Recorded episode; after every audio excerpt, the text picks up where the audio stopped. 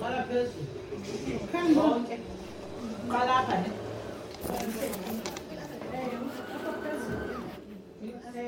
Oh.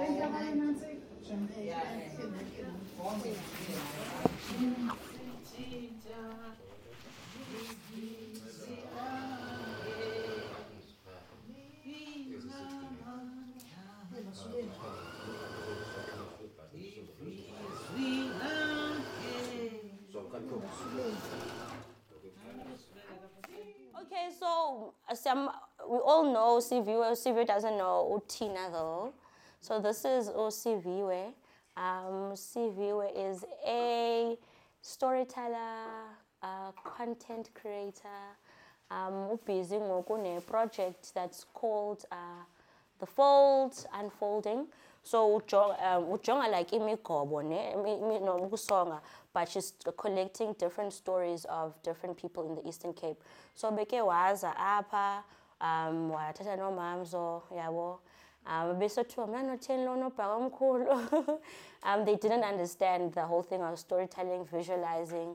But now buyile usiviwe so um siyayazi into ayenzayo. But oh yeah but you can tell us more about your project project. Yeah. so iproject yam basically kudala ndazibuza ngendlela esinxiba ngayo like etha nezilokhwe zenu. But niyazi uba incebetha ayinxitywa ngumntu nje. Wasesendibalisela uba incebetha ayinxitywa ngumntu onjani. And from there onwards nda- ndaba nayo into ethi no man as abantu bahlala edolophini amaxhosa do we know isinxibo sethu? And uba siyasazi okanye asisazi like what would it do uba si- si-appreciate i- iculture yethu nathi si- sizi-understand uba singobani. So le project yam ijonge loo nto but then as well awuzujonga isinxibo qha uzaphinda udibane noomama kubekho ibali. And ibali endilibonayo kubo bonke abantu endidibana nabo especially oomama bethu into yothunga sisipho lubizo kwabanye.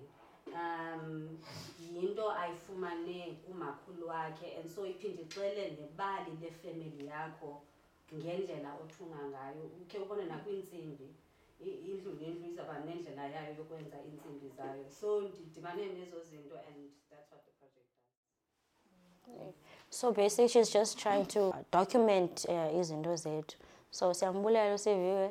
Um, beke wasifaka ku Instagram. So siyahopa uba in a few years to come, we're gonna have uh, visitors from all over the world apha. That's what we want. Because xa kusiza abantu means nathi siyapusheka uba sisebenze, yabo. Um,